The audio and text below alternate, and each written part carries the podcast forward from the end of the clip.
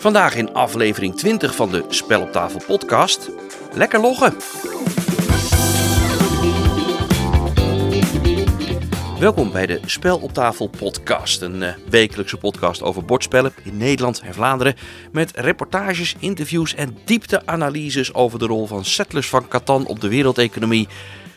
Ja, niet dat laatste waarschijnlijk, maar wel heel veel bordspellen en heel veel over mensen die spellen spelen. Nou, mijn naam is Dave. Ik ben, net als jij, een liefhebber van bordspellen. Spel op tafel. Bordspellen in Nederland en België. Wat een drukte deze weken. Elke dag komt er wel meer nieuws en nog meer nieuws over de bordspellenwereld. Nieuwe spellen, vertalingen, uitbreidingen. En dan is er deze week ook nog de Spielwarenmessen in Nuremberg. Een uitgelezen moment voor uitgevers om nieuwe spellen te presenteren. Wat die messen nou precies inhoudt in Duitsland, daar gaan we het uh, zo meteen over hebben. Uh, Spel op tafel heeft twee correspondenten ingehuurd om verslag te doen vanaf de messen. Nou ja, ingehuurd. Uh, laat ze maar niet horen voordat zometeen het hele budget van 2024 op is. Verder deze week een uitgebreid interview over een van de meest gebruikte, of misschien wel meest gebruikte, bordspellen-app voor de telefoon die er is. Die van Boardgame Stat. Hou je spellencollectie bij, uh, kijk welke spellen je gespeeld hebt, hou je scores bij en dat allemaal in één applicatie. Populair over de hele wereld en van Nederlandse makelij. Oftewel de Chesto en Martin Garrix onder de spellenapps. De makers Eerco en Suzanne, die spreken we straks over hoe de Boardgame Stat app werkt en hoe die is ontstaan. Nou, het idee was wel uh, van, nou misschien vinden genoeg mensen het leuk dat uh, daadwerkelijk wat meer van te maken is. Voor mij was het leuk om eens te kijken of zo'n app in de App Store daadwerkelijk zou gaan werken. En ja, het leukste moment was denk ik dat na een paar dagen of na één dag of zo, toen uh, de eerste verkocht werd, was hij 99 cent. en uh, zoiets hadden van, hè, daar heeft iemand het werk betaald. dat straks dus nog wat recensies, de traagste top 50 aller tijden. Uh, meer dan genoeg om deze uitzending te vullen. Maar eerst het nieuws. Spellennieuws. Het laatste nieuws over bordspellen. Lookout Games heeft aangekondigd dat er een uitbreiding komt voor Forest Shuffle. Een van de meest populaire nieuwe spellen op Essen van het afgelopen jaar. Het spel is in het Nederlands ook uitgebracht door Asmodee. In Forest Shuffle moet je kaarten met dieren en planten combineren met boomkaarten. Die dierenkaarten kan je dan op twee verschillende manieren aan een boom koppelen. Of aan de linkerkant of aan de rechterkant. En bij andere kaarten is het weer aan de bovenkant of de onderkant. De uitbreiding telt 36 nieuwe dierenkaarten met twee bomen. Of Asmodee deze uitbreiding ook gaat brengen is nog niet duidelijk. Het bordspel Comic Hunters komt dan toch wereldwijd uit. Arcane Wonders, dat de afgelopen jaren ook World Wonders, Furnace en Picture Perfect uitbracht, komt nu met een nieuwe versie en die wordt wereldwijd verspreid. Het spel komt oorspronkelijk uit Brazilië en draait om het verzamelen van Marvel stripboeken.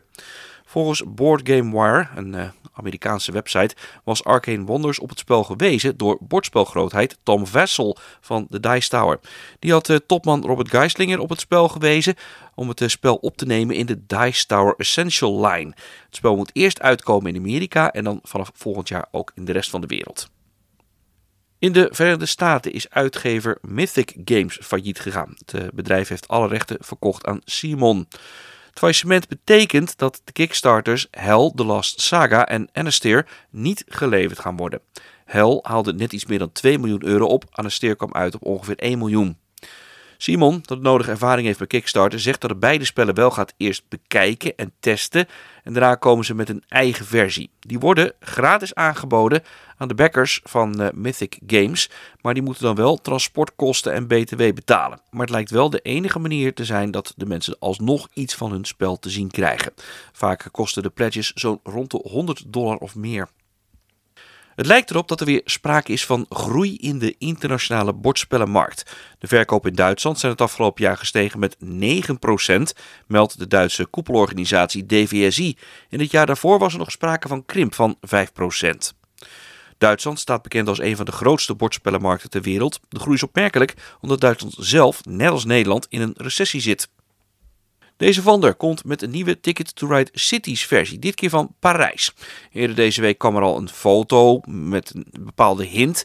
Daar stond een hele rij van New York tot aan Amsterdam met een uh, P er nog eens een keer bij. Met op de achtergrond een foto van de Eiffeltoren. Nou, dat was dus Parijs en inmiddels is ook al de officiële aankondiging het feit. Nine Nine Games komt met een jubileumversie van het kaartspel Saboteur. In dit semi-coöperatieve spel gaan dwergen op zoek naar een schat, maar er zit ook een saboteur bij, vandaar de titel. Het spel is al 20 jaar oud, vandaar de jubileumversie. In deze versie zitten ook speciale kaarten, mini-uitbreidingen en meerdere varianten. Verder komt Nine Nine Games met de Wingspan Fan Art Pack. Oftewel kaarten met artwork gemaakt door fans van het spel Wingspan. Er zitten 255 kaarten in het spel, allemaal gemaakt dus van, door fans van over de hele wereld. De kaarten vervangen de originele kaarten uit het basisspel en van de uitbreidingen Europa, Oceanië en Azië en is alleen te verkrijgen via de webshop van 99 Games. Keep Exploring Games laat weten dat de uitbreiding van Bitoku binnen is. Iedereen die Bitoku Resuturan vooraf had besteld, krijgt hem volgende week binnen.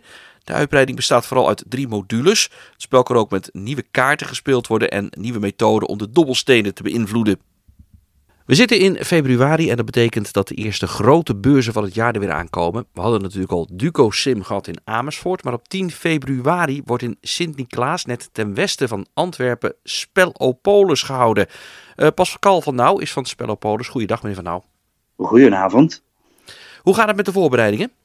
We zijn uh, volop aan de gang en het loopt op wieltjes, zal ik zeggen. Uh, de meeste heuveltjes zijn genomen en uh, we zijn er klaar voor. Het is nu bang afwachten of ze ons gaan vinden. Hè. U zegt heuveltjes, wat moet ik me daarbij voorstellen? Wat, wat, wat, wat wordt er dan in zo'n laatste week nog geregeld? Ha, de, de, de, zaal, de zaalplannen moeten afgewerkt worden. En ja, je, je, je maakt wel deadlines voor uitgeverijen bijvoorbeeld. Hè, van ja, graag beslissen voor. Maar dan heb je toch nog altijd last minute uitgevers die zeggen van ah, we komen toch, is het niet erg dat we er nog bij komen. Uh, dus dat hebben we al geleerd. Dus ja, dan is het uh, ja, uh, herschikken in het zaalplan en hopen dat we er alles netjes in krijgen. Maar dat is gelukt. Ja, maar mensen die graag spellen spelen, die houden toch ook wel een klein beetje van puzzelen? Ja, uiteraard. Uh, het is, uh, wij zijn ook groter gegaan. Hè. Vorig jaar hadden we twee derde van het complex. Nu hebben we het helemaal uh, gehuurd. Um, dus dat was, we konden niet zomaar overschakelen naar het plan van vorig jaar. Dus was het weer aanpassen, maar dat is inderdaad plezant om dat te doen. Ja, ik zag het zaalplan zag ik op de website van Spellenpolen staan. Het is inderdaad fors groter. Hè? Het is nu een grote, grote hal erbij.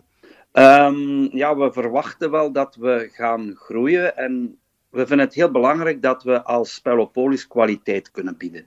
we zouden niet graag hebben dat mensen naar, naar ons afzakken en dat we te vol zitten en dat, we, dat ze niet kunnen spelen. Want bij ons draait alles om het kunnen spelen van een spel.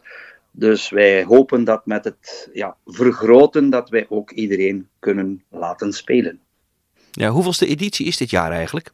Dit is de derde editie. Um, we zijn dus nog niet zo lang bezig. Maar dan gaat het wel qua groei, want hoeveel vierkante meter is het? Heeft u enig idee daarvan? Uh, iets meer dan 3000 vierkante meter. Dat is aanzienlijk voor een, uh, voor een, een, een, spellenbeurs die net drie jaar bezig is. Ja, we beseffen dat ook, maar ja, um, ja we, wouden, we, zagen, we zien overal de tendens, hè, want we hebben niet die beslissing niet van in het begin genomen, maar we voelden wel van, ja, er is meer bus. We, we merken dat ook aan de mensen om ons heen. Ze beginnen ons te contacteren van, hey, heb jij even tijd voor ons? Um, en we vinden het heel belangrijk om die kwaliteit te kunnen bieden. Dus dat ze zeker niet, dat we geen toestanden krijgen dat mensen moeten aanschuiven om een spel te spelen of een hele dag rondlopen en dan maar een spelletje spelen dat hen niet aantrekt. Maar ja, er was niks anders vrij. Dat willen we absoluut vermijden. Ja, we zien het bij meer beurzen eigenlijk, uh, ook vooral in Vlaanderen. Uh, ze groeien, uh, het wordt alleen maar populairder. Wat, wat, wat, denkt u dat daar voor de, voor, de, voor de, de reden erachter is? Hoe komt dat? Mogelijk corona, denk ik, als een van de verklaringen. Dat is toch nog niet zo lang geleden. En dat is een, een periode geweest dat mensen ja, verplicht thuis zaten. En dat ze, denk ik, op zoek gegaan zijn naar activiteiten die je dan thuis kan organiseren. Dat denk ik dat een van de verklaringen is. En anderzijds, ik denk dat dat misschien contradictorisch is, maar is de verdere digitalisering van onze samenleving. Uh, mensen leven vooral virtueel online en denk ik, beginnen heimwee te krijgen naar gezelligheid, naar gewoon samen met elkaar nog eens iets doen. En daar is een bordspel ideaal voor natuurlijk. Hoeveel bezoekers verwacht u eigenlijk dit jaar? Heeft u enig in, eh, enige inschatting? Uh, vorig jaar hadden wij 850 betalende bezoekers. Uiteindelijk loopt er dan wel meer dan 1000, uh, 1000 mensen rond met alle medewerkers en uh, uitgevers. Maar van dit jaar hopen we toch de kaap van de 1000 betalende bezoekers te ronden. Ja, en die kunnen we ook kwijt nu, de, uh, nu het meer oppervlakte is. Dat is een beetje het risico dat we nemen. Uh, die kunnen we zeker kwijt. Zelfs in die zin, mochten er geen duizend zijn, denk ik dat de mensen de indruk krijgen van oei, er is weinig volk, er is plaats te veel. Dus we hopen echt wel dat we meer dan duizend bezoekers kunnen lokken. Wat maakt Spellopolis de moeite waard om te gaan? Um, ik denk de nadruk op het spelen van een spel. Hè? Dus we hebben verschillende um, pijlers die dat moeten bewerkstelligen. Enerzijds hebben we de uitgevers die hun nieuwste titels brengen. En die zijn absoluut noodzakelijk om volk te lokken. Maar daarnaast um, ook negen spellenclubs uit de ruime omgeving, die naast de nieuwe titels van de uitgevers hun favoriete spellen naar voren brengen en hun werking willen promoten. Um, dan hebben wij ook een kinderplein. Um, waar de eerste spellen klaar liggen, maar we beseffen ook wel dat kleine, jonge kinderen, ja, als je daar al één of twee spelletjes mee kan spelen, een half uurtje, dan hebben ze het wel gehad. Dus we hebben ook twee matten met constructiemateriaal. Kapla, blokken, kliks, magnetics, de nieuwe knikkerbaan van Ravensburger. Pleinen vol met constructiemateriaal en die hebben we dan strategisch gelegd naast ons spelcafé, zodanig dat ouders met jonge kinderen rustig een drankje kunnen genieten en eventueel zelf een spelletje spelen, terwijl de kroost zich amuseert op, het, uh, op de speelmatten. En we hebben ook zo van die grote actiespellen waar ze wel mee aan de slag kunnen gaan. En als dat dan nog allemaal niet genoeg is, um, dan hebben wij ook nog altijd de zeer rijk gevulde spelotheek van Spellenclub De Bokkensprong met zeer recente titels, vermocht je toch nog op zoek zijn naar een spel dat er niet ligt. Wat maakt uh, die locatie, want het is in het uh, bouwhuis, daar zitten jullie nu al een paar jaar. Uh, wat maakt die nou zo bijzonder? Wel, um, dat is eigenlijk een heel modern, nieuw complex voor evenementen. Um, dat is prachtig gelegen, vlak naast het IC-station. Dus mensen die met de trein uh, willen komen, geen enkel probleem. Het is denk ik vijf minuten stappen. Uh, maar ook, het ligt vlak bij de ring, bij de snelweg. Dus je bent, als je even de E17 volgt, ben je er zo. En er is heel veel gratis parking in de buurt. Maar het complex zelf, de foyer is eigenlijk de grote troef, dat is de grote inkomhal, die is volledig in glas. Dus je kan daar een spel spelen in daglicht. En dat is toch wel een bijzondere ervaring. Uh, veel spelen, maar uh, kan er dan ook wat aangeschaft worden? Uiteraard. Um, we hebben twee pijlers daar. Um, Adriaanse spellen speciaalzaak zal aanwezig zijn en doet zijn uiterste best. Hè. Hij heeft de titels meegekregen die daar open zullen liggen en doet zijn best om alles wat hij heeft mee te brengen aan zeer scherpe prijzen. Maar misschien nog interessanter is uh, het tweedehands aanbod, dat denk ik zeker boven de duizend spellen zal gaan.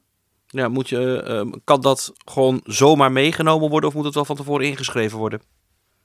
Daar moet je even voor naar de website van www.spellopolis.be en moet je wel vooraf aanmelden. Dan liggen uh, uw, uh, de ticketjes voor op uw doos te kleven met verwijderbare stickers klaar en kan je inchecken. Trouwens, dat zijn ook soms toestanden op beurzen. Daarom gaan wij voor mensen die tweedehands meebrengen vroeger open. Die kunnen gerust een half uurtje vroeger naar de beurs komen, zodanig dat ze tijd hebben om rustig in te checken, boterkoekje en een koffietje te genieten, zodanig dat ze wanneer het tien uur is klaarstaan om de beurs te verkennen.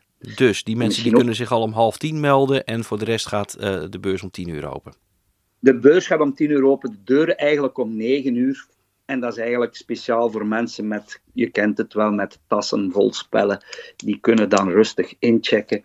Uh, dan is de tweedehands klaar voordat de beurs open gaat en moeten de mensen niet staan aanschuiven. Want dan missen ze eigenlijk al een deel van de beurs. En misschien ook nog een leuke extra.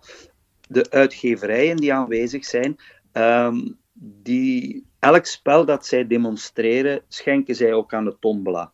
Dus alle nieuwe spellen die open liggen, zijn ook te winnen. Ah, eind van de dag? Nee, onmiddellijk. Hè. U trekt, uh, wij hebben een reeks enveloppes gevuld met daarin ofwel helaas pindakaas ofwel bingo. En als het bingo is, weet u onmiddellijk wat u gewonnen heeft. Wanneer is de beurs voor u geslaagd? Um, als de mensen doorgaan en ons vertellen dat ze een plezante, aangename dag gehad hebben. En dan bedoel ik echt met iedereen, zowel de bezoekers, maar ook de uitgevers, de clubs die hun schouders ermee ondergezet hebben, dat iedereen zegt van oké, het was fijn, we hebben een aangename dag gehad, de mensen waren enthousiast, dan is de beurs voor mij geslaagd. Nog één keer, 10 februari, het Bouwhuis in Sint-Niklaas. Toegang 6,50 in de voorverkoop en 8 euro aan de kassa. Uh, Pascal van Nauw van Spellenpolis, dank u wel. Graag gedaan. Iets groter qua omvang, maar met een heel ander publiek is uh, deze week de Spielwarenmesse in uh, Nuremberg. Van origine een speelgoedbeurs, altijd begin van het jaar en een beurs waar veel mensen uit de spellenindustrie rondlopen. Nou, ik was zelf niet in de mogelijkheid om die kant op te gaan. Er moet tenslotte ook gewerkt worden. Maar uh, goed, Spel op tafel heeft eventjes twee correspondenten benoemd. Uh, Gilliam Oranje, dat is uh, de helft van Board Game Ninja. Goeiedag. Hoi, goedenavond. Um, terug uit Duitsland? Ik ben net terug uit Duitsland. Wat is net? Uh, nou, een uurtje of twee, drie geleden teruggereden. Maar ja, het is toch een zeven uurtjes rijden. Dus zeker met het slecht weer en, en files. Dus nou, blij weer terug te zijn. Ja, wat houdt die spielwarenmessen precies in? Kan je dat uitleggen? Ja, het is een, een hele grote vakbeurs. Dus het is echt niet voor consumenten bedoeld, maar voor uh, business to business. En dan vooral de verkoopbusiness. Dus uh, alle grote spelfabrikanten, nou denk aan Lego, Playmobil, alles, die staat daar. en, en, en hallen vol met Chinese, Chinese fabrikanten die die spullen uit China hier graag willen verkopen op allerlei soorten gebieden van ballonnen tot knuffelbeesten tot en met uh, nou ja, uh, plastic speelgoed, uh, fietsjes, noem maar op. En er zijn ook twee kleine halletjes met, nou ja, klein is relatief, met boardgames. Je zei zelf, daar begon je mee, het is een groot iets. Hoe groot is groot? Ja, dat weet ik niet precies, maar het is, ik denk wel een keer of drie spiel qua hallen. Zo, maar Spiel is al gigantisch. Spiel is gigantisch, maar dat spellen, dat, dat, dat, dat, uh, die messencentrum in Nuremberg is nog veel groter, waar ook zelfs hallen bovenop elkaar zijn gestapeld. Het is, het is gigantisch. Uh, maar ja, goed, er, komt een heel ander publiek. Er lopen heel veel mensen rond in, uh, in pak met das. En die zijn gewoon bezig om handel te drijven. En dus de, de sfeer van, goh, leuk ontdekken van speelgoed, ja, die, die is er helemaal niet. Het gaat vooral om handel. Met het grote verschil dus uh, geen spelers. Ja. Uh, dus ook waarschijnlijk een stuk rustiger. Ja, een heel stuk rustiger. Heel stuk rustiger. Um, en het duurt ook vijf dagen, dus het is ook uh, het is echt wel stevig. Um, um, maar ja, goed, de, de, sfeer is gewoon anders. En qua bordspellen zie je dus zowel uitgevers als sommige studio's, dus bedenkers van spellen, die daar hun nieuwste spellen presenteren voor het komende jaar. En die vooral op uit zijn om te kijken van, goh, kan ik niet een, een uitgever vinden die mijn spel in andere markten gaat uitbrengen dan in de markt waar ik in zit. Dus Franse ja. uitgevers zijn op zoek naar een Duitse uitgever en, uh, enzovoort. Ja, wat denk je er zelf eigenlijk? Ja, ik, uh, ik, ik werk voor een aantal uh, buitenlandse uitgevers en die zeggen dan van, goh, we willen je toch wel af en toe even zien. Ja, wat doe je precies voor ze, voor de mensen die dat niet weten? Oh, ik, uh, ik maak uitlegvideo's uh, voor een aantal uh, fabrikanten en, of uitgevers. En die gebruiken ze dan op hun eigen kanalen om, om mensen te informeren. En, en nou ja, dat, dan zeggen ze, goh, ik wil graag toch eventjes je een keer zien. Dan gaan we even de plannen voor dit jaar bespreken.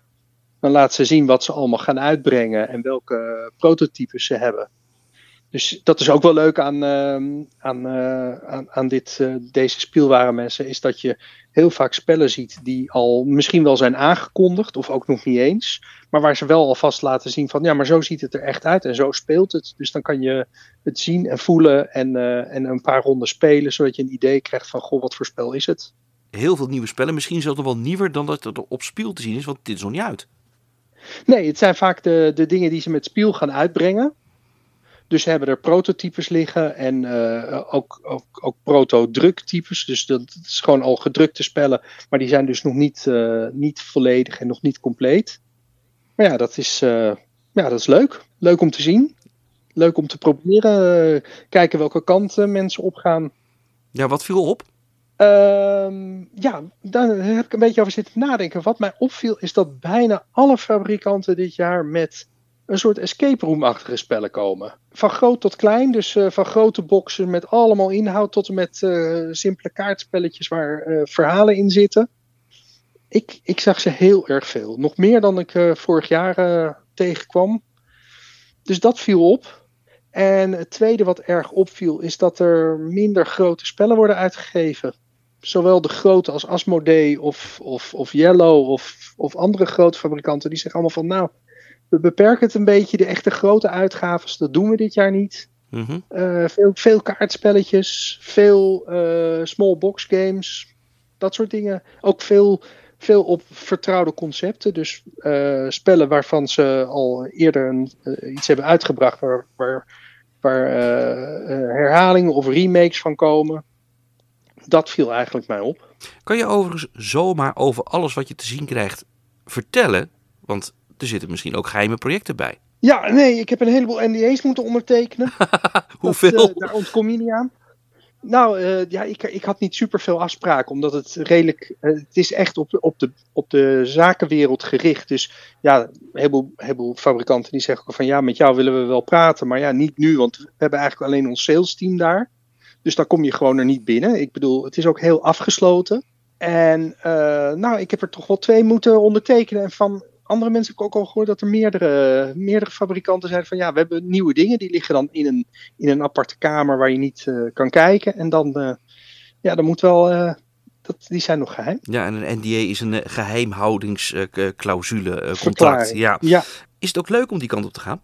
Um, of is het echt nou, puur werk? Het is echt heel erg werk. En als je dan denkt van, goh, ik hou ook van Lego of dat soort dingen, of van Playmobil, dat is altijd leuk om daarnaar te kijken. Nou, je hebt geen kans. Want uh, Lego is een, een gigantische stand met restaurant en alles erin. Maar het is allemaal omsloten door een hoge muur, waardoor je helemaal niks kan zien. En je moet echt een afspraak hebben om daar naar binnen te kunnen. Nou. Ja, dus als je, als je winkelier bent en je hebt goede contacten met Lego, dan kan je gewoon zeggen van nou, ik wil graag komen kijken wat je allemaal uitbrengen. En dan kan je komen kijken. Maar de meeste, uh, de meeste mensen die daar gewoon rondlopen, die kunnen niet uh, naar binnen. Dus zo leuk is het ook weer niet. maar het is wel leuk als, als ja, spellenliefhebber is het leuk om te zien hoe, hoe spellen er komend jaar gaan uitzien. Nou, dat was correspondent nummer 1. Uh, die is dus alweer thuis in Nederland. Nummer 2 is dat niet. Langs de autobaan in Duitsland. Michiel de Wit, uitgever van Game Biz, maar ook bedenker van spellen als uh, Quibbles en uh, Rollenkaarten. Goeiedag. Hoi. vooral een business-to-business bijeenkomst dus. Maar was je daar nou als Michiel de Wit de uitgever of Michiel de Wit de spellenmaker? Nou, ik, ik had deze keer echt tig verschillende petten op. Dus ik was er als Michiel de Wit de spellenmaker. Ik heb een paar van mijn spelletjes laten zien aan uitgevers. Ik was er ook als Michiel de Wit de uitgever. Die probeert zijn spellen te um, exporteren. En dan was ik ook nog als Michiel de Wit um, onderdeel van de Hot Games familie. Uh, om ze daar te ondersteunen en, uh, en mijn gezicht te laten zien. En gewoon voor de gezelligheid. Uh, nee, ik, heb daar van alles gedaan. Daarnaast heb ik ook nog allerlei mensen gesproken die ik uit de hobby ken. Dus het, het, is de hele tijd petje op, petje af voor mij geweest. Nou, veel afspraken gehad? Ja, best wel. Ja, vooral de eerste dag had ik helemaal volgepland. En wel wat ruimer dan op Spiel. En dan had ik echt hele korte 20 minuten afspraakjes. Nu heb ik de tijd genomen.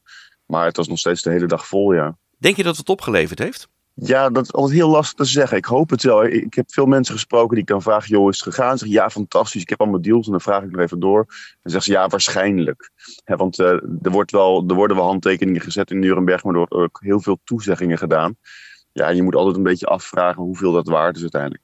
Maar ik moet heel eerlijk zeggen, ik ging eigenlijk al blij naar Nuremberg toe. Want net op de valreep, voordat ik vertrok, kreeg ik een mailtje binnen van een uitgever. Die zei, joh Michiel, um, laat dat spel maar niet meer zien in Nuremberg, we gaan het doen. Oh. Dus mijn beurs was eigenlijk al goed voordat ik weg was. En in dit geval was het meer een soort van gekke pressiemiddel, zou ik bijna zeggen, dan dat het uh, ja, iets heeft geholpen in de gesprekkensfeer. Ja, wel, welk um, spel gaat het dan precies om? Ja, het is natuurlijk allemaal nog een beetje geheim, maar ik, ehm, eh, ik kan wel zeggen, ik was bezig met het spel Celesta en dat eh, wilde ik ook laten zien aan een paar. En ja, dat is dus nu door een uitgever opgepikt en daar gaan we iets heel erg leuks mee doen, dus ik ben er heel enthousiast over. Mhm. Dus uh, to be continued. Ja, wat voor spel is dat? en daar heb ik ja, dat is een, een beetje een gek spelletje. De, het verhaal is ook een beetje gek, want ik heb het eigenlijk oorspronkelijk bedacht omdat mijn vader afgelopen jaar 28 jaar was overleden. En het was precies op de 28e van die maand. Ik dacht, ik doe iets met 28 kaarten. Dus toen ben ik begonnen aan een spel. En ja, het is een heel erg brainy twee-speler duelspel. Uh, een flinke puzzel.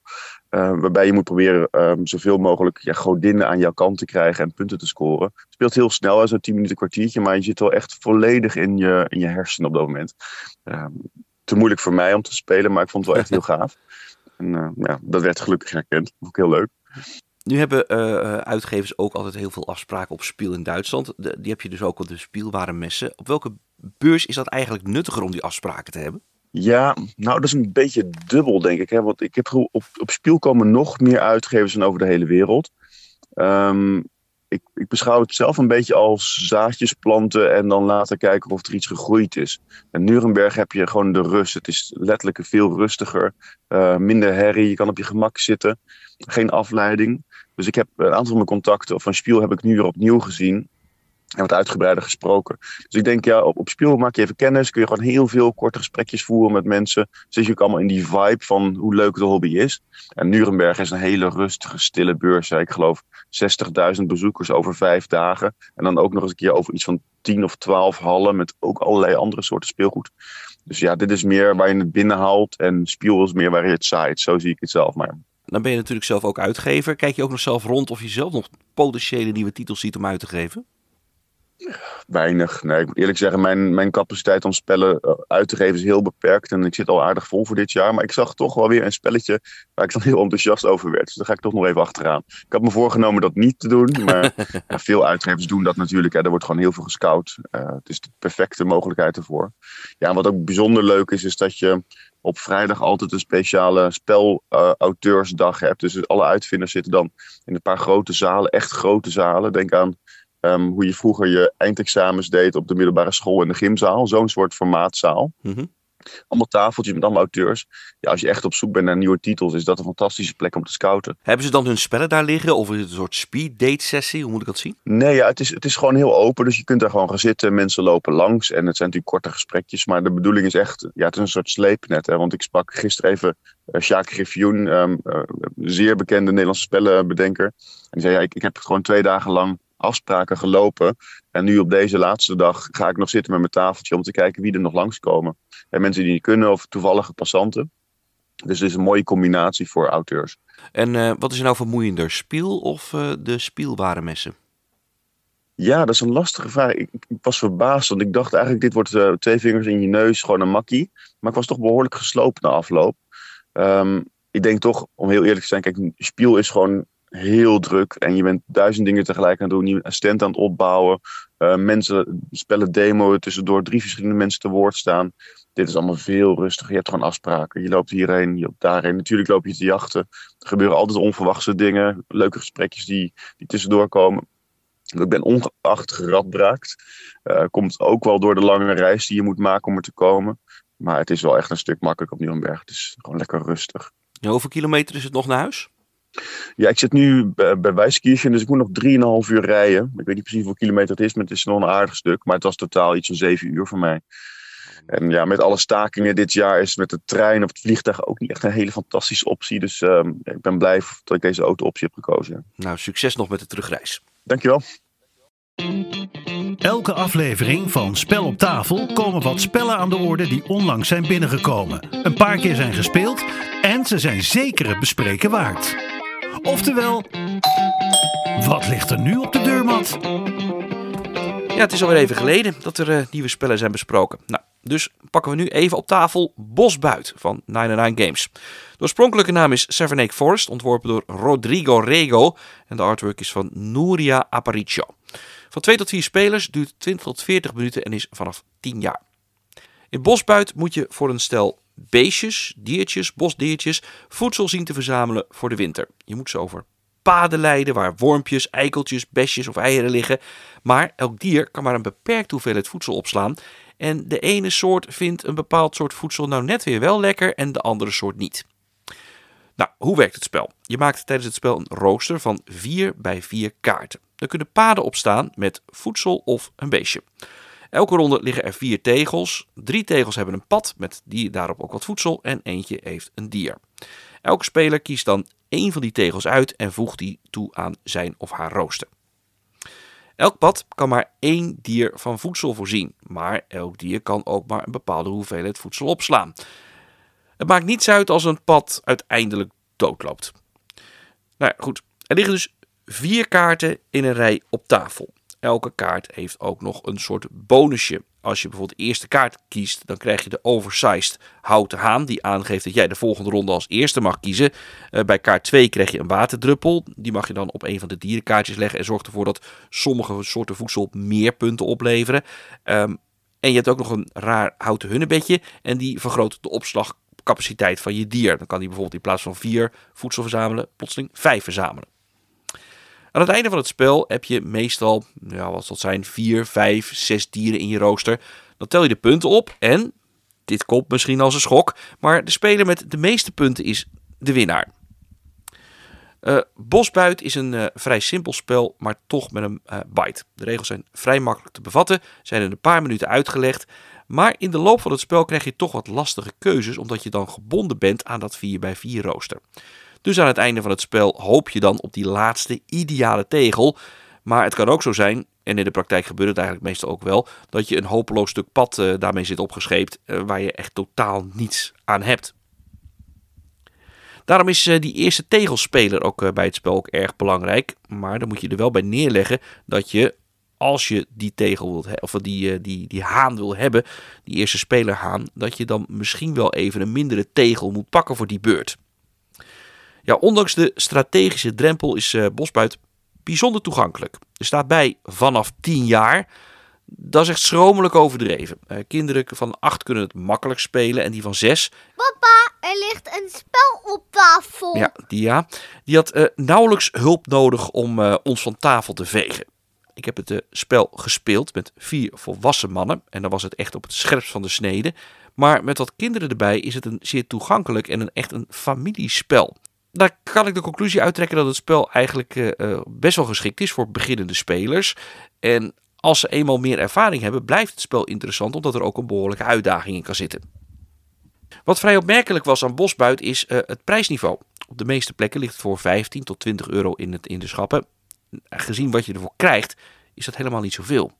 Verder is het opmerkelijk, en dat vind ik persoonlijk ook wel een voordeel, dat het spel heel compact is. Wat kleine houten componentjes in een zakje, daar passen ook de tegels allemaal in. En dan één klein kaartenbordje dat ook als scoretrek dient. En dan die onbegrijpelijk grote rode haan. Ik heb hier eh, thuis een, eh, een soort koffer liggen. Daar zitten van die cassettes in. Dat is normaal gesproken voor om knutselspullen in op te slaan. Maar daar zitten bijvoorbeeld mijn wat kleinere spellen in. Dit spel, ondanks dat het toch een doosje is van 20 bij 10, ja, dit spel past daar prima in zo'n cassette. Dat vind ik heel fijn. En uh, dat, is ook wel eens een keer prettig dat het gewoon lekker compact is. Um, een van die cassettes is meteen gereserveerd voor Bosbuit. Uh, deze ligt zo op tafel. Is makkelijk mee te nemen. Duurt niet lang. Biedt uitdaging. Ook voor het hele gezin. Dat is het spel Bosbuit van 99 Games. Het tweede spel is van Nederlandse makelij. Old Shop van Jolly Dutch. De maker heet Adrie Drent. En de prachtige artwork is van Nicolas Westergaard. Het spel uh, valt in de Jolly Dutch abonnementenlijn. Dus dat houdt in dat er alleen wat kaarten in zitten en uh, klein en compact is. In het spel uh, kom je terecht in een of ander veilinghuis. je bent een handelaar of een verzamelaar van rariteiten. En ja, die old shop, een gekke winkel, ja, daar komen die dingen dus onder de hamer. Elke ronde worden vijf dingen geveld. Van een bijzondere hamerhaaikat tot magische drankjes of magische attributen. Maar de grote vraag is, elke ronde weer, is het wel echt? Iedere speler begint met een stapeltje kredietkaarten. Nee, dat is geen geld, want dat geef je uit. Dit krediet krijg je elke ronde terug. Uh, met dat krediet kan je bieden op kaarten uit verschillende categorieën. Maar elke kaart die op de, onder de hamer komt, heeft er ook een tweede kaart bij zitten. En daarop staat of het gaat om een echte of een replica. Een replica is natuurlijk veel minder waard dan een origineel. Daarom mag je aan het begin van de veilingronde wat krediet gebruiken om experts in te schakelen. En dan mag je dus even kijken of het voorval echt is of dat het een nep chimpansee varken is. Dan heb je dus even wat kennis die de anderen mogelijk niet hebben en daar kan je dan weer je bod op afstemmen. Als alles is geveld, mogen de spelers ook onderling handelen, ruilen of verkopen. Dan gaan er bijvoorbeeld wat kredietkaarten permanent van de ene naar de andere speler. Hé, hey, maar dan heb je wel het drankje van de eeuwige slapeloosheid. Ja, de voorwerpen hebben overigens geen naam hoor. Deze die schud ik uh, zo uit mijn mouw.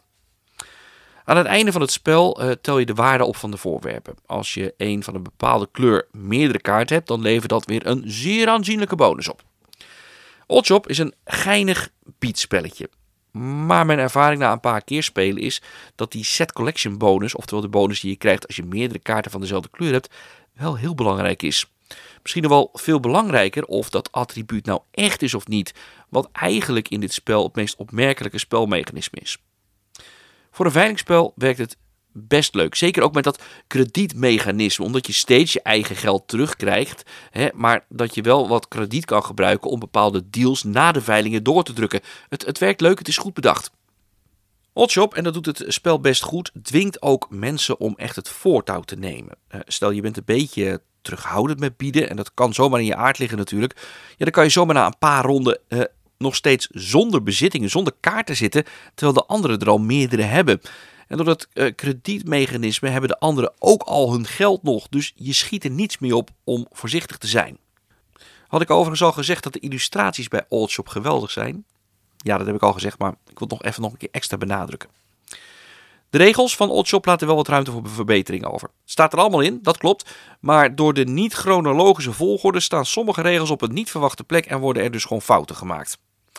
Om lang verhaal kort te maken. Oldshop is een vermakelijk spel. Niet duur, compact, zo op tafel. Het heeft een paar originele dingen die het erg aantrekkelijk maken. En het krijgt uiteindelijk wel een vast plekje hier in mijn collectie.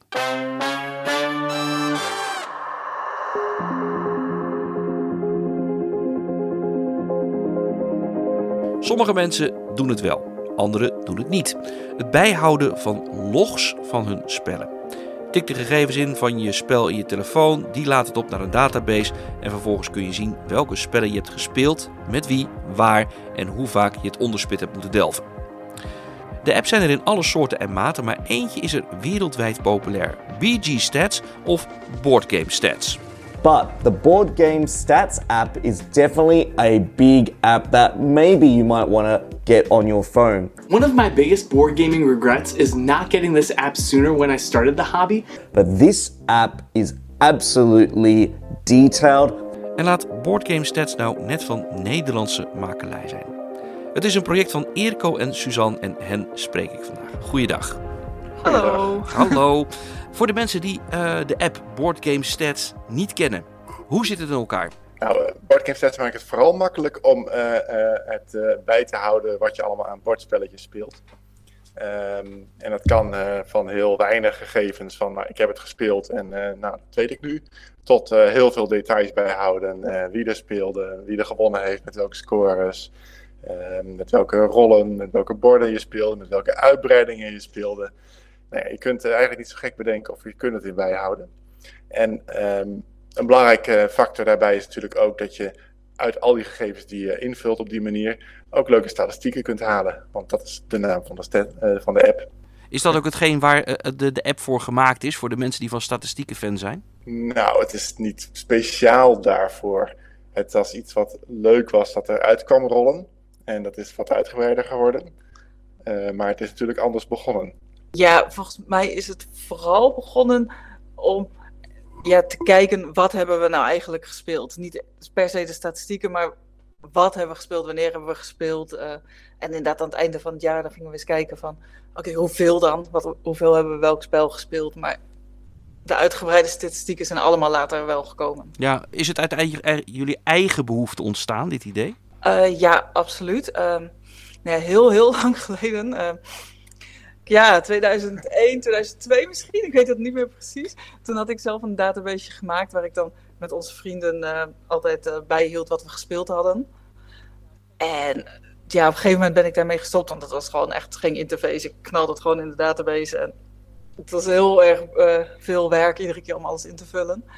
En daar ben ik op een gegeven moment mee gestopt. En toen wij elkaar ontmoetten, een tijd daarna zijn we toch weer spellen gaan loggen. En toen kon je op Board Game Geek ook al spellen loggen. Maar dat was ook best wel veel werk, vond ik altijd. En toen zei Irko, ik weet wat. En nou, en toen is hij een app gaan maken. Maar als ik het dus goed begrepen heb, is Suzanne dus degene geweest die als eerste met loggen is begonnen. Een beetje systematisch. Eh, ja, ja, absoluut. Eh, wij hielden dat eh, elke week bij. En ik had er een websiteje bij, dus konden alle vrienden kijken van... eh, oh, je hebt, die heeft gewonnen. Meestal zetten we er wat commentaar bij. maar ja, eigenlijk precies, dat is echt heel erg lang geleden. Meer dan twintig jaar. Hoe is de, jullie onderlinge verdeling? Ehm, nou, ik doe het programmeerwerk. En ehm, Suzanne heeft de ideeën. we hebben natuurlijk allebei heel veel ideeën die uit de praktijk komen. Gewoon bij eh, spellen die we spelen. Hey, dit willen we eigenlijk beter bij kunnen, hebben, bij, bij kunnen houden. Of eh, we missen hier informatie over. We krijgen belachelijk veel ideeën van gebruikers. Uh, er zijn hele wensenlijsten vol van wat mensen nog willen. Um, maar uh, ja, hoe, hoe dat dan in de app eruit moet komen te zien, of hoe dat moet werken, daar denkt Suzanne over na en daar ontwerpt ze wat dingetjes voor. En ik probeer dat dan zo goed mogelijk werkend te maken. Ah, volgens mij is Irko wel heel bescheiden nu hoor. Vaak als er nieuwe dingen zijn, bedenkt hij van hoe hij het in de app moet zetten. Maar als er wat nieuwe features zijn, nieuwe schermen of iets dergelijks, dan probeer ik dat meestal eerst even uit te tekenen zodat we samen een beetje kunnen kijken hoe gaat dat handelen. Dus als ik het even oneerbiedig uh, samenvat, is uh, Suzanne het brein en uh, Eerco is degene die het uitvoert. Ik ben het aapje. De code monkey. Ja. Toen ik ermee bezig ging was rond 2012 of zo. Toen ben ik begonnen met een simpel appje om het in bij te houden. Eerst voor onszelf. En dat wat doorontwikkeld. Ben ik een paar jaar mee bezig geweest. Gewoon tussendoor eventjes af en toe wat doen. En later ook nog een tijd mee bezig geweest om onze oude data in te kunnen lezen die we hadden. Die we in spreadsheets en al, allemaal andere dingen hadden. En pas in 2014 uh, hebben we hem ook daadwerkelijk in de App Store gezet. Van nou ja, als wij hem leuk vinden, misschien vindt iemand anders hem ook wel leuk. Ja, wat was het idee daarachter dan? Van goh, is dat puur um, niet commercieel? Jongens, uh, wij vinden dit fijn, gebruik het alsjeblieft. Nou, het idee was wel uh, van, nou misschien vinden genoeg mensen het leuk dat uh, daadwerkelijk wat meer van te maken is. Voor mij was het leuk om eens te kijken of zo'n app in de App Store daadwerkelijk zou gaan werken. Um, en ja, het leukste moment was denk ik dat na een paar dagen of na één dag of zo, toen de eerste verkocht werd, was hij 99 cent. en zoiets hadden van, hè, er heeft iemand het werk betaald. dat is raar. Nou ja, dat, ja. dat gebeurde. En uh, ja, zo, uh, zo waren er af en toe wat mensen die hem kochten en uh, redelijk snel feedback gingen geven van wat ze nog meer aan features wilden. En ehm, ja, dan word je daar een beetje in verleid, zeg maar. Van, nou ja, dan kan ik dat ook wel maken. En dan kan ik dit nog wel maken. En nog wel iets meer maken. En nou ja, zo blijf je steeds verder ontwikkelen. Hoe ontwikkelde zich dat verder met het aantal klanten dat jullie hadden? Nou, heel geleidelijk. Uh, want we hebben nooit reclame of zo gemaakt. Uh, we hebben altijd gedacht van, nou ja, als mensen het aan elkaar vertellen dat ze het leuk vinden, dan, dan groeit het vanzelf wel. dus het is heel geleidelijk gegroeid. En ja, het, is, het bestaat nu al best wel wat jaartjes. Dus ja, ja. In, in, die tijd is het, is het behoorlijk gegroeid inderdaad, dat het wel wereldwijd veel gebruikt wordt.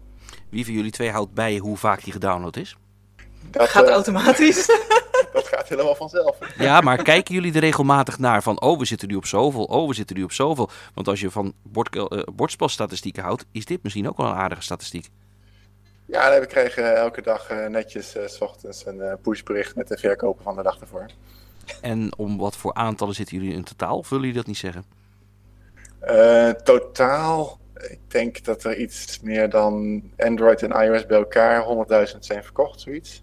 Dat is heel indrukwekkend. Dat zijn er best wel veel. Ja, wat doet je dat? Uh, nou, wel leuk hè?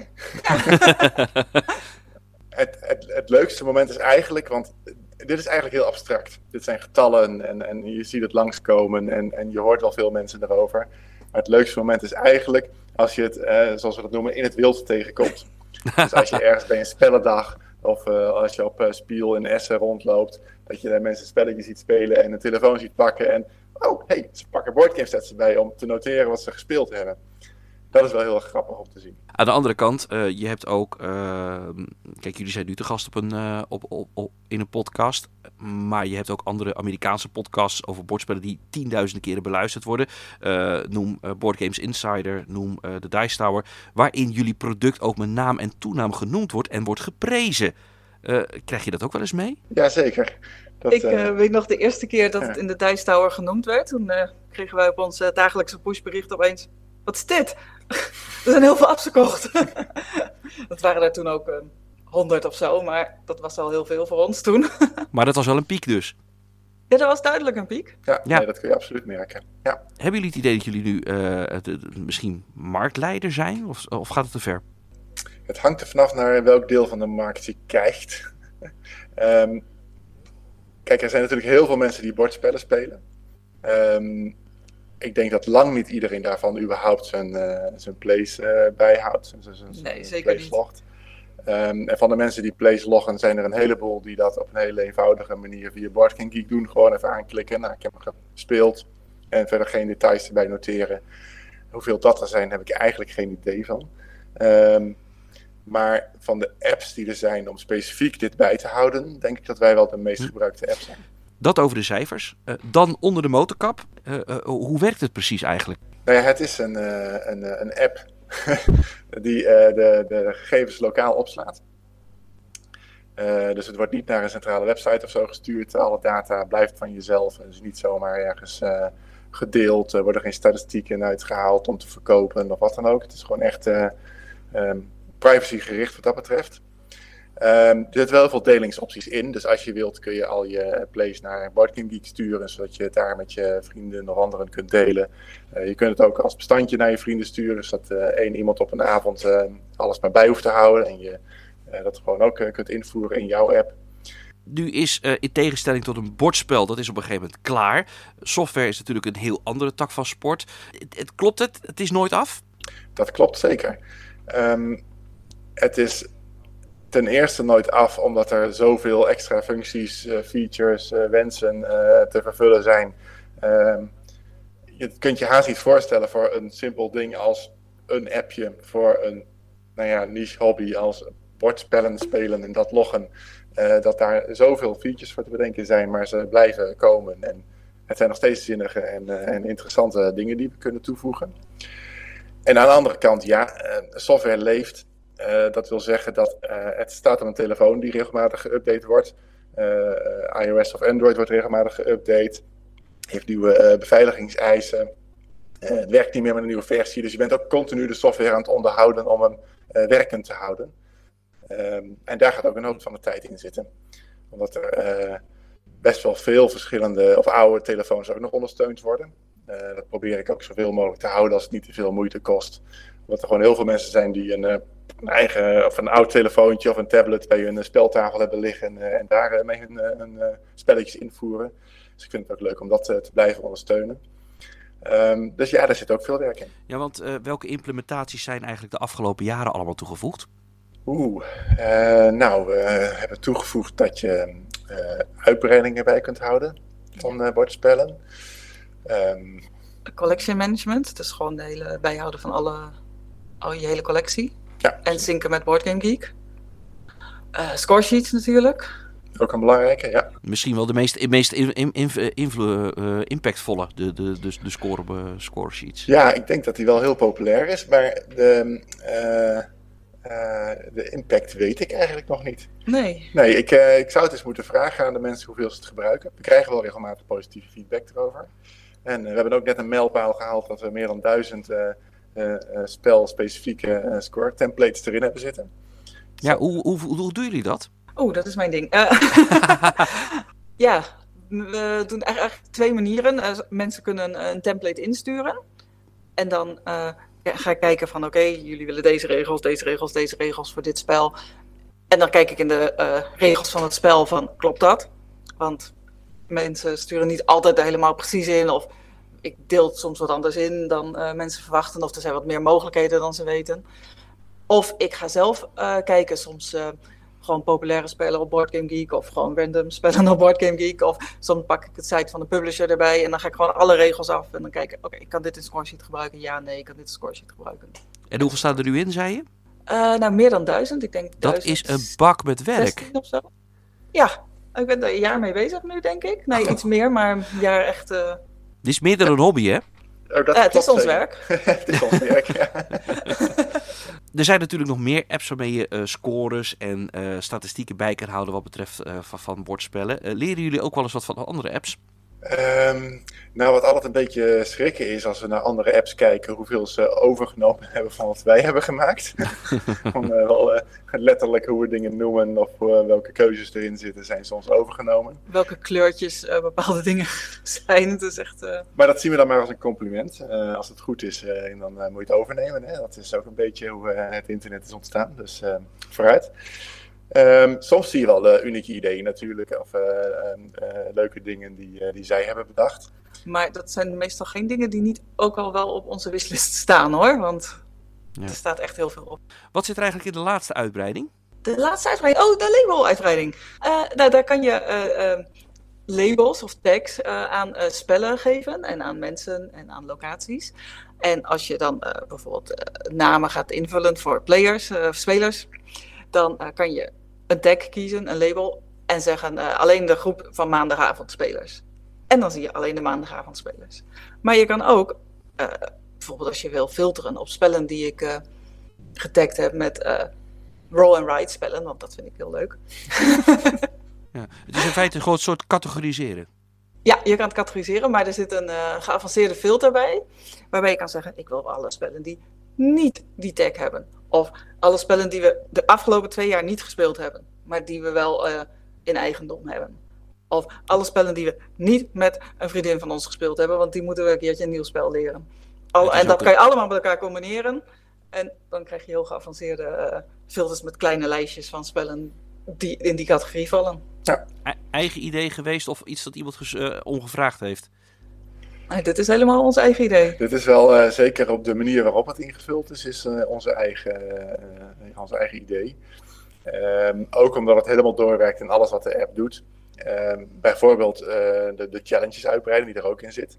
Uh, die kan weer op basis van die uh, labels gemaakt worden. Dus je kunt zeggen, nou, alles van dit label, of alles van dit bewaarde filter gebaseerd op dit label, ja. daar wil ik een uitdaging van uitvoeren dat ik daar 20 spellen van speel deze maand. Nou ja, dat soort dingen kun je dan maar... Ja, want uh, je hebt het over een wishlist. Uh, die, komt, uh, komt, die, die wensen die komen allemaal van gebruikers? Ja. Ja, ja, als we hem zelf bedenken en niemand anders heeft hem bedacht, dan houden we hem nog geheim. Want net zolang als iemand hem ook bedenkt. want dan is het nog een verrassing als we hem uit kunnen brengen natuurlijk. maar inderdaad, alles wat, wat mensen roepen, wat enigszins logisch lijkt om ook ooit in de app op te kunnen nemen, die zetten we op de lijst. Die is behoorlijk groot die bevat ook heel veel dingen die waarschijnlijk nooit in de app terecht gaan komen. Omdat er gewoon geen tijd is om ooit alles te doen. Of omdat er maar één iemand wel is ooit die het gevraagd heeft van nou ja, de honderdduizend mensen dan. Uh, dus ja, dat is altijd een beetje een afweging tussen hoeveel tijd kost iets om te maken, hoeveel impact denk je dat het heeft, uh, hoeveel invloed heeft het op de rest van de app. Als je heel veel moet ombouwen, dan uh, ja.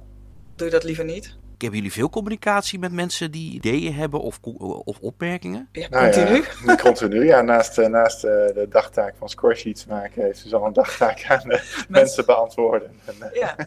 ja. hoeveel ja. mailtjes per dag zijn dat, als ik het zo mag brutaal vragen? Nou, het valt wel mee als je het zo bekijkt. Gewoon een paar mailtjes per dag, een stuk of ergens tussen de vijf en de tien of zo. Zoiets, ja. Hm. Maar ik probeer iedereen altijd wel persoonlijk en zo snel mogelijk antwoord te geven. Ja, wat is nou het beste idee geweest dat ooit vanuit uh, de bordspellenwereld is uh, gekomen, de community is gekomen, waarvan je denkt van, oh, dit is een fantastisch idee, dat moeten we gaan implementeren? Ik denk het allereerste idee dat de re allereerste reactie was op uh, de app toen hij net in de App Store stond. Kan ik mijn uh, potjes ook naar BGG sturen? en dat hadden wij toen nog niet bedacht, want waarom zouden we? En, uh... Nee, dat was op zich wel expres zo van, oké, we hebben die app, we hoeven dus niet meer naar BGG te zinken of te posten. Ja, nou ja en dat heeft wel een, een grote vlucht genomen, waar uh, we inderdaad nu alle gegevens met uh, BGG kunnen uitwisselen. dus ook de hele collectie um, met BGG um, kunnen synchroniseren. Ehm, ja, dus dat is wel uitgegroeid tot een, een goede samenwerking met, met Barking Geek. Hoe lang is de wishlist nog? Hoe lang? Ja. Hmm. Uh, ik heb echt geen idee. Eerco gaat kijken. Even kijken hoor. Uh, wishlist. Ja, hoe gaan we het tellen? Ja, hoe... Uh... Ik denk dat er zo bijna 300 items 300? op staan. Zo, zo eventjes, Dat is wel heel veel. Wat, wat staat er bovenaan je lijstje eigenlijk waar je, waar je denkt van... Oh, dat zou ik echt graag zelf ook nog erin willen implementeren? nou, goede vraag. um, uh, campaignspellen willen we zelf ook nog wel gaan ondersteunen. Ja, dat lijkt me ook erg uh, mooi. Hoe zou dat in vredesnaam moeten? Ja, nou ja, we hebben wel wat ideeën. We moeten gewoon nog even uitwerken uh, hoe het nou het handigste kan. Want ja, we proberen altijd alles natuurlijk zo generiek mogelijk te maken. Want het ene spel werkt zo, maar het volgende spel werkt totaal anders. Ook al is het ook een campaign. Dus. Jullie doen dit als beroep. Um, sowieso voor mijn beeld, hoeveel uur tijd in de week gaat hierin zitten in dit project, als ik zo brutaal mag vragen? Um, nou, drie dagen van de week denk ik dat ik ermee bezig ben. Ja. Um, ja. Hoeveel procent van, uh, van die drie dagen in de week uh, is het nou hobby en hoeveel procent is het echt werk? Daar is geen verschil meer tussen. Nee, het is altijd werk. en altijd hobby. Ja. Is het dan uh, zo'n zo'n zo'n zo cliché van iemand die van zijn hobby zijn beroep heeft gemaakt? Ja, het is uiteindelijk ben ik van mijn uh, baan ben ik een paar dagen minder gaan werken om uh, die tijd aan de app te gaan besteden. En uiteindelijk heb ik die baan opgezegd om fulltime aan deze app en nog een paar andere apps te kunnen besteden. En ja, het begon als hobby en dus inderdaad, nou is het mijn werk. Kan de schoorsteen daarvan roken? Um, de huidige energietarieven of de vroegere? Oké, okay, maar kan je ervan rondkomen? Ja, nee, dat, uh, dat, uh, we kunnen ervan rondkomen. En uh, dat is heel prettig. En dat hopen we nog lang zo te kunnen volhouden. Nu heb ik de afgelopen maanden heb ik gesproken met, met uitgevers, met ontwerpers, met artists. En die vroeg ik altijd van, goh, waar wil je heen uiteindelijk met je carrière? Maar valt hier eigenlijk nog ergens heen te gaan met deze app? Hij is er en er kan een beetje ontwikkeld worden. Of heb je grootste plannen hiervoor? Um, nou, ik denk dat het grootste plan voor de app is om um, stabiel uh, voorlopig nog even door te gaan.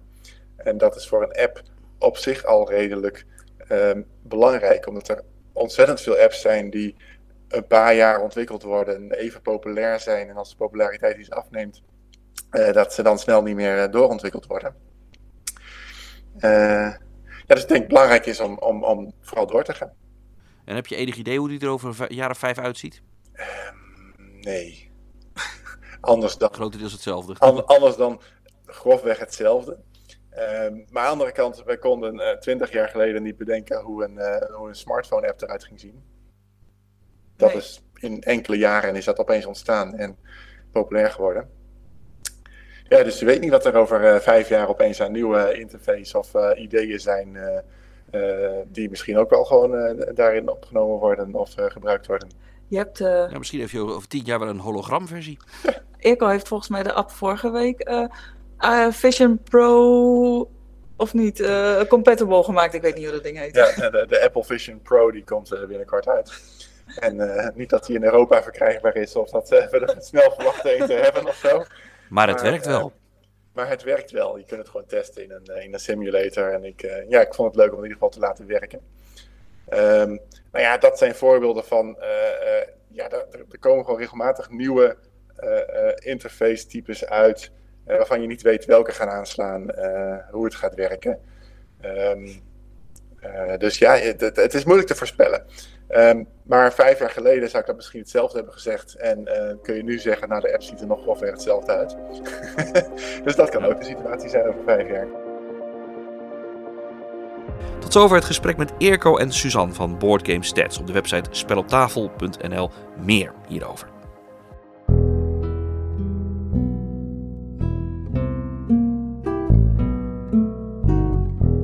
De top 50 aller tijden. Meestal flitsend, maar niet bij spel op tafel. In één jaar aftellen naar één. Je zou natuurlijk een top 50 aller tijden er in een paar weken doorheen kunnen jagen. Maar laten we eerlijk zijn, dan is alle lol er meteen weer af. En dus zijn we nu in februari pas bij nummer 48 beland. De hele lijst staat overigens ook op speloptafel.nl. Dit is de traagste top 50 aller tijden. Met nu Nummer 48, de Her en de Toy Toys. Het sprookje van de haas en de schildpad leent zich ideaal voor een bordspel. Kan de schildpad eerder bij de finish komen dan de haas? Yellow bracht tien jaar geleden een serie van bordspellen met een sprookjesthema op de markt en dit is met afstand de beste. In het spel De Her en de Tortoise maakt, eh, maak je een racebaan waarop vijf dieren meedoen aan een race. Eh, de snelle haas, de langzaam maar doorzettende schildpad en dan nog een eh, vos, een wolf en een ADHD-schaap. Je bent eh, in het spel niet een van die dieren, nee, je probeert een van die dieren als eerste, tweede of derde over de finish te krijgen. Hoe krijg je die dieren over de finish? Nou, dat doe je met kaarten. Je kan een dier vooruit krijgen door een kaart te spelen. En als er acht kaarten liggen, of vier van één dezelfde diersoort, dan komen de beestjes één voor één in beweging. Maar elk dier beweegt op zijn eigen manier. Zo beweegt de vos bijvoorbeeld simpel. Twee kaarten is twee vooruit. De schildpad gaat er sowieso één vooruit. Of er nou een kaart ligt of niet. Liggen er vier, dan gaat hij er zelfs twee vooruit. De haas gaat er twee vooruit, tenzij die vooraan staat. Dan besluit hij een tukkie te doen, net als in het sprookje. En het schaap die gaat bij twee kaarten er twee plus één standaard extra vooruit. En komt hij bij een sloot, dan moet hij stoppen voor een dopingcontrole. En zo ontstaat er bij de her en de tortoise een eh, tactisch spel, waarbij je jouw deelnemer probeert over de finish te krijgen. En de andere spelers dwars te zitten. Want stel je moet schaap en haas over de finish krijgen, wat doe je dan net als je al die vos- en wolfkaarten op een gegeven moment in je handen hebt? Daarnaast hebben andere spelers ook natuurlijk een ander doel voor handen. Tactisch is het spel geweldig. Toegegeven, sommige dieren zijn net wat moeilijker over de finish te krijgen. eh, maar de voldoening als je de schildpad op de nummer 1 positie weet te krijgen is natuurlijk geweldig. Het spel schaalt prima. Of je nou speelt met twee of met vijf spelers, de opwinding, de spanning bij het spel, het is heel gaaf. Het spel is ontworpen door Gary Kim. De artwork is van Mathieu Lenes en het is gemaakt door Yellow. Die ook een klein boekje met de inhoud van het sprookje van de haas en de schildpad erbij heeft gedaan. Om het nog leuker te maken. The Hare and the Tortoise is een topspel. En daarom krijgt het plek 48 van de traagste top 50 aller tijden.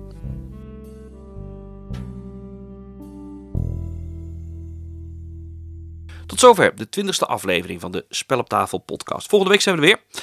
Dan is er ook het begin van de nieuwe serie De Grote Sprong. Over mensen die iets nieuws beginnen in de bordspellenwereld. Van de ene persoon die dan eh, toch eindelijk de grote stap zet en zijn eerste bordspel de markt brengt. Tot de man of de vrouw die een winkel is begonnen. Volgende week het opmerkelijke verhaal van Hillebrand Brandsma. Een ondernemer die een spellenmuseum gaat openen in Assen. Dan hebben we het niet over een zolderkamertje met spellen, maar het echte werk. 600 vierkante meter in het hartje van de hoofdstad van Drenthe. Er is jaren aan gewerkt en dit voorjaar moet het dan toch echt open gaan. Dat is volgende week. Deze week nog even bijkomen. Doe lekker rustig aan. Leg eens een spel op tafel. Tot volgende week. Oh, wacht even. Uh, als je dit nou een leuke podcast vindt, geef dat dan door aan je vrienden. Als je die tenminste hebt. Goed, spelen spel, dat is leuk. Tot volgende week. Doei! Volgende week is er weer een uitzending van Spel op tafel. Heb je vragen of opmerkingen? Stuur dan een mail naar redactie@speloptafel.nl. spelen? Er ligt een spel op tafel.